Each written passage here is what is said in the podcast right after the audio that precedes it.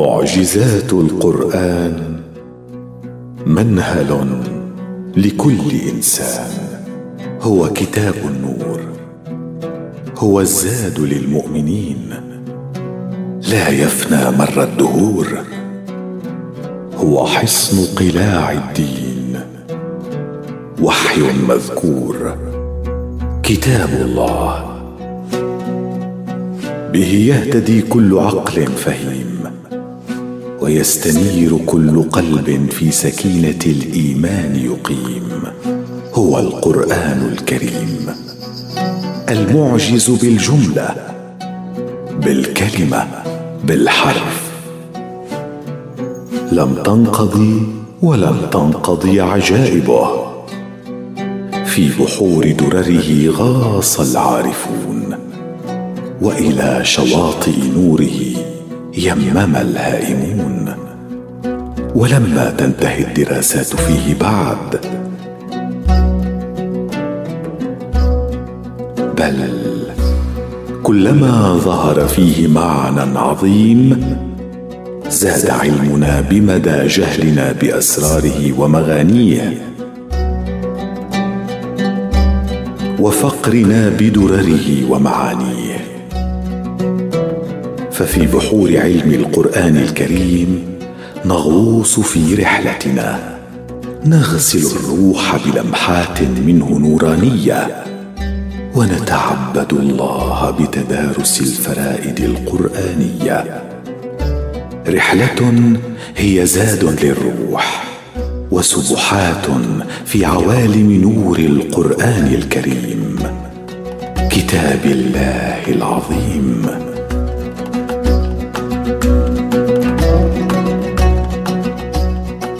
فريده من القرآن ونصوع البلاغة والبيان. هي الكلمة هي المعجزة التي زود الله بها خير أنبيائه وأحبهم إليه. كان خليله فأعطاه دليله. الكلمة وأي كلمة؟ إن هي إلا كلمات الله أوحى بها إلى رسوله الكريم محمد صلى الله عليه وآله وصحبه وسلم. فأضاء الدنيا بالكلمة. واستنقذ القلوب من الظلمات إلى النور بالكلمة. وغسل الأرواح في عوالم من عطر الإيمان المبخور. بالكلمة. في الكلمة هامت أرواح ونفوس ونذرت قرائح عظيمة. نالت عظمتها ببركة جهادها في حرم خدمة الكلمة التي أنزلها الله تعالى في سماه على عبده محمد رسول الله. فألفت كتب عظيمة تتناول الكلمة وورودها في القرآن الكريم ومعناها في سياق الآي العظيم وبلاغتها ومرادها في السياق القرآني. وذابت قرائح العلماء تستغيث المعنى من الرسم المصور وتستنجد بالله أن يقدر لها الفهم المقدر. فكيف نزلت الكلمة؟ فيما تكررت ها هنا وفيما ها هنا تفردت. إذ وردت بعض الكلمات في القرآن الكريم متفردة بالظهور مرة واحدة والفريدة في معناها العميق المنقطعة عن القرين أي التي لا مثيل لها ولا وزين ولا شبيه. وليس تفرد هذه الكلمات في القرآن الكريم إلا لغاية عظيمة ومؤدى كريم. وفي هذا البحر من بحور القرآن الكريم نحاول أن نغوص في هذا المقام لنتلمس بعض جوانب الإعجاز في الفريدة القرآنية. ورد في سورة القمر قوله تعالى بسم الله الرحمن الرحيم. كذبت قبلهم قوم نوح فكذبوا عبدنا وقالوا مجنون وازدجر فدعا ربه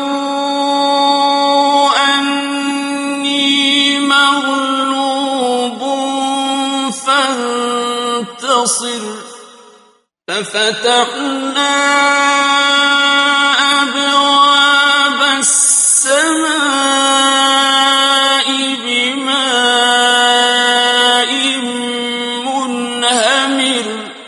صدق الله العظيم.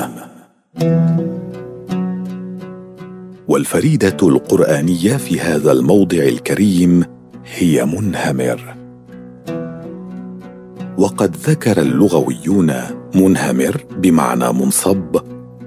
يقال همرت الماء وهمرت الدمع فانهمر. ولكن انهمار الماء هو الأكثر غزارة وقوة. فاللفظة وردت متفردة في هذا السياق في القرآن الكريم وتؤدي الحروف التي تركبها المعنى الذي يريده الله عز وجل. ونقف هنا عند بعض ما وصل العلماء من معانيها. فقد قرر الذكر الحكيم هذه الكلمة دونا عن غيرها من الألفاظ التي تقاربها في المعنى مثل منصب وكثير وغزير لسمات بلاغية عديدة منها. أن هذه الفريدة أبلغ وأوجز. إذ هي تحمل في ثنايا حروفها المعاني السابقة كلها. فالماء النازل من السماء كان غزيرا ومنصبا بقوة وكثرة. ولو تأملنا روح الحروف فيها بما يحمله كل حرف من موسيقى تؤدي صورة تنطبع في القلب سواء علم القارئ بعلمها أم لم يعلم. سنجد أن حرف الهاء المفتوح ينطلق من الحلق بدفقة هوائية لا يعيقها عائق لتدل على انسياب الماء من السماء بسلاسة. ليأتي حرف الراء ويطبع في النفس صورة التكرار. فتأمل وأنت تلفظ هذا الحرف تكرار ارتجاج اللسان به. وهذا من كنه الحرف في اللغة العربية التي قدرها الله عز وجل حاملة لقرآنه الكريم. وهو ما يقع ضمن معنى الجذر اللغوي الهاء والراء بما يفيد الانسياب والغزارة والكثرة. فتأتي كلمة منهمر متفردة الذكر في القرآن الكريم في هذه السورة. لتوقع ختام الآية التي استجاب فيها الله عز وجل لدعاء سيدنا نوح. بسم الله الرحمن الرحيم. فدعا ربه أني مغلوب فانتصر. ففتحنا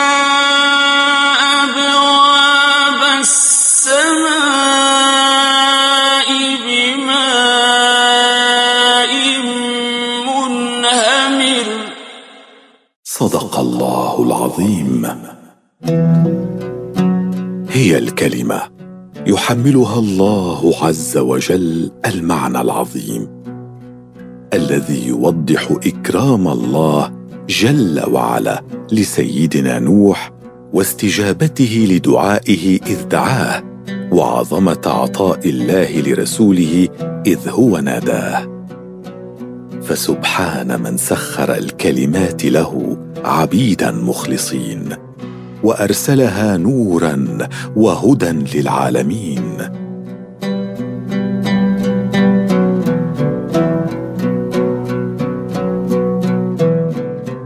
معجزات من الصورة في الآية والسورة.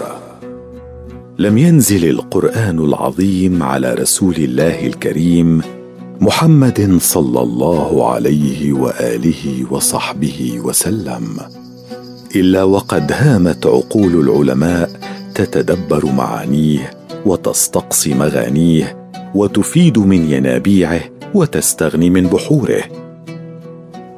ومن بين أفواج الحجيج في حرم علوم القرآن الكريم تجد أفواج العلماء لعلوم العربية تتزود منه وتتلمس المعاني العظيمة من الكلمة والحرف والجملة. مبحرة في عميق المعنى ومجاهدة في تدارس الصورة ومناضلة في سباق خدمة القرآن الكريم. فدرسوا الصورة في القرآن الكريم حتى لكأنهم وقفوا أمام علم جديد أذهلهم بسبكه وإبداعه. وهيم أفئدتهم وأرواحهم في عوالم عظمته. ومن الصور نستعرض مشهدا من قصة سيدنا إبراهيم عليه السلام.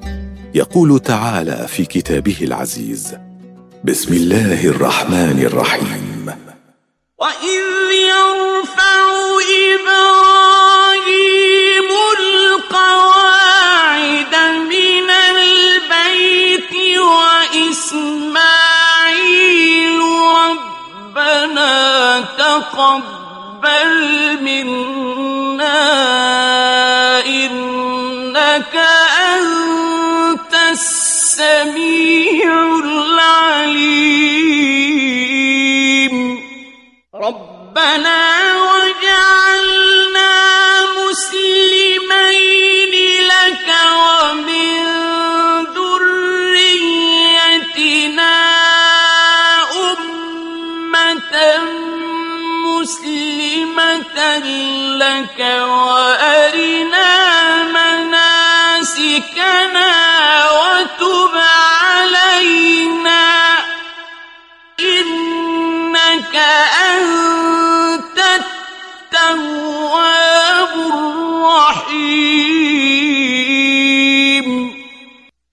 ربنا وبعث فيهم رسولا منهم يتلو عليهم آياتك ويعلمهم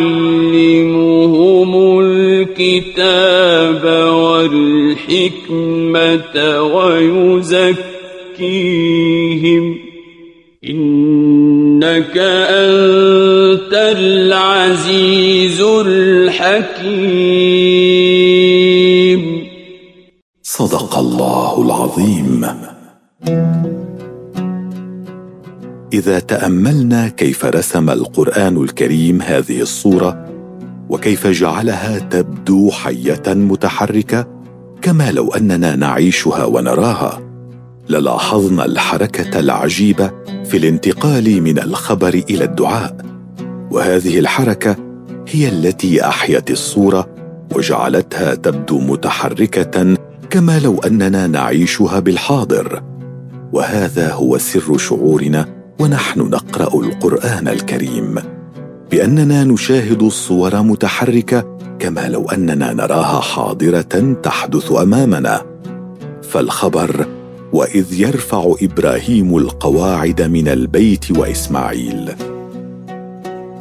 فكما لو أن ستارة ترفع عن المشهد لنرى بعدها سيدينا إبراهيم وإسماعيل عليهما سلام الله.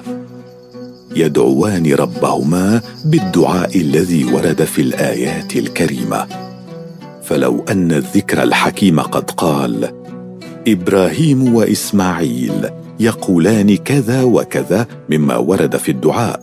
لبقيت كقارئ للنص القرآني شخصا حياديا خارج حياة المشهد تقرأه قراءة المستعلم عن الخبر لا الحاضر للمشهد. ولكن هذه النقلة بالحركة بثت حياة الصورة في قلب القارئ فجعلته ينفعل معها انفعال الحاضر لها. وهذه النقلة بالحركة التي تصور ما يشبه رفع الستاره عن مشهد ما تحفز القارئ وتستثيره لمتابعة الحدث القائم الذي تابعه الذكر الحكيم بالقول ربنا تقبل دعاءنا فالحياة تبث وتثب متحركة حاضرة وسر الحركة والحياة في كله يكمن في حذف كلمة واحدة. فسبحان من أعجز قرائح الخلق جميعا بسر الكلمة وكنه القول الرفيع من رب عظيم مصور بديع.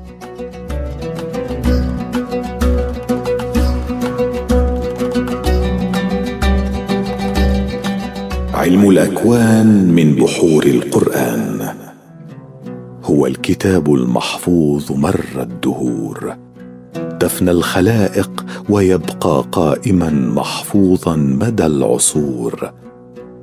فأي أسرار أودعها الخلاق العظيم في كتابه الكريم حتى تيسر له أن يبقى مشعل هدى ونورا لكل من يسعى سعي المتعطش في الأرض لمعرفة ربه رب الأكوان خالق الأماكن والأزمان مالك الملك الملك الديان.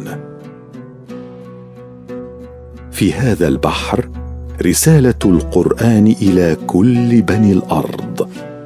رسالة يلتقطها قلب فقيه لعالم نبيه إن شاء أن يهتدي في عظمة الخالق وإبداعه. ففي القرآن الكريم ما أدهش علماء الكون الذين ما زالوا يدرسون عجائب الأرض والأفلاك. فإذا ما قضوا عشرات أو مئات السنين ساعين باحثين ووصلوا إلى حقيقة علمية بجهود كبيرة وحثيثة. تجلت بعض عظائم القرآن الكريم فوجدوا أن ما سعوا إليه يستقصونه؟ قد أخبر عنه عالم الغيب العظيم في قرآنه الكريم. في توازن الأرض كم حملت الآيات القرآنية من حقائق كونية مذهلة سبقت العلم الحديث بمئات السنين. فلنتفكر في قوله سبحانه وتعالى في القرآن العظيم. بسم الله الرحمن الرحيم. ألم نجعل الأرض مهادا والجبال أوتادا. صدق الله العظيم. عام 1956 ميلادية أكد العلم أن الجبال تعمل كماسكات للقارات من الصخور المائية المتواجدة تحت القشرة الأرضية الصلبة. ولولا جذور هذه الجبال المنغرسة لطفت القشرة إلى الخارج وانعدم التوازن في الأرض واختل ثباتها. فلنتأمل قوله عز وجل بسم الله الرحمن الرحيم. وألقى في الأرض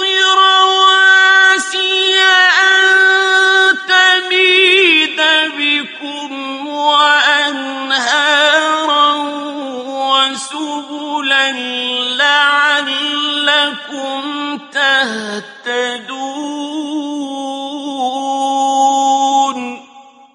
صدق الله العظيم. ليس عبثا أن قال عز وجل وألقى. فالعلم أكد بأن الجبال الالتوائية ألقيت فعلا من علي من قمم الجبال القديمة التي نحتتها عوامل التعرية. ونقلتها ورسبتها في البحار التي نقلتها بدورها بواسطة الرياح لتستقر مرتفعة عن سطح البحر وقد التوت ونشأت منها السلاسل الالتوائية. ثم أكد العلم أن الأرض لو كانت بحجمها الحالي مكونة من الماء بنسبة أكبر لقل وزنها عما هي عليه الآن. ولما تمكنت من حفظ نسبة بعدها عن الشمس فانجذبت إليها واحترقت.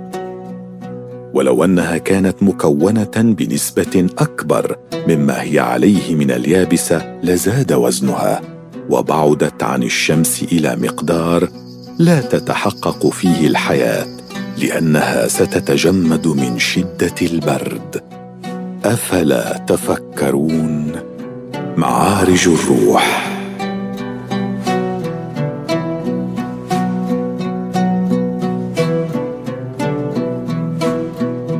إن الله أنار الكون بالكلمة ومن علينا بالكلمة وأنعم علينا بالكلمة فنزل الوحي العظيم على رسول الله وحبيبه الكريم محمد صلى الله عليه وآله وصحبه وسلم. وفي سبحات عوالم الكلمة نتقرب إلى الله ربنا ببعض الأبيات قيلت في عظيم مقام القرآن الكريم. نور جبينك في هدى القرآن واقطف حصادك بعد طول نضال واسلك دروب العارفين بهمة والزم كتاب الله غير مبالي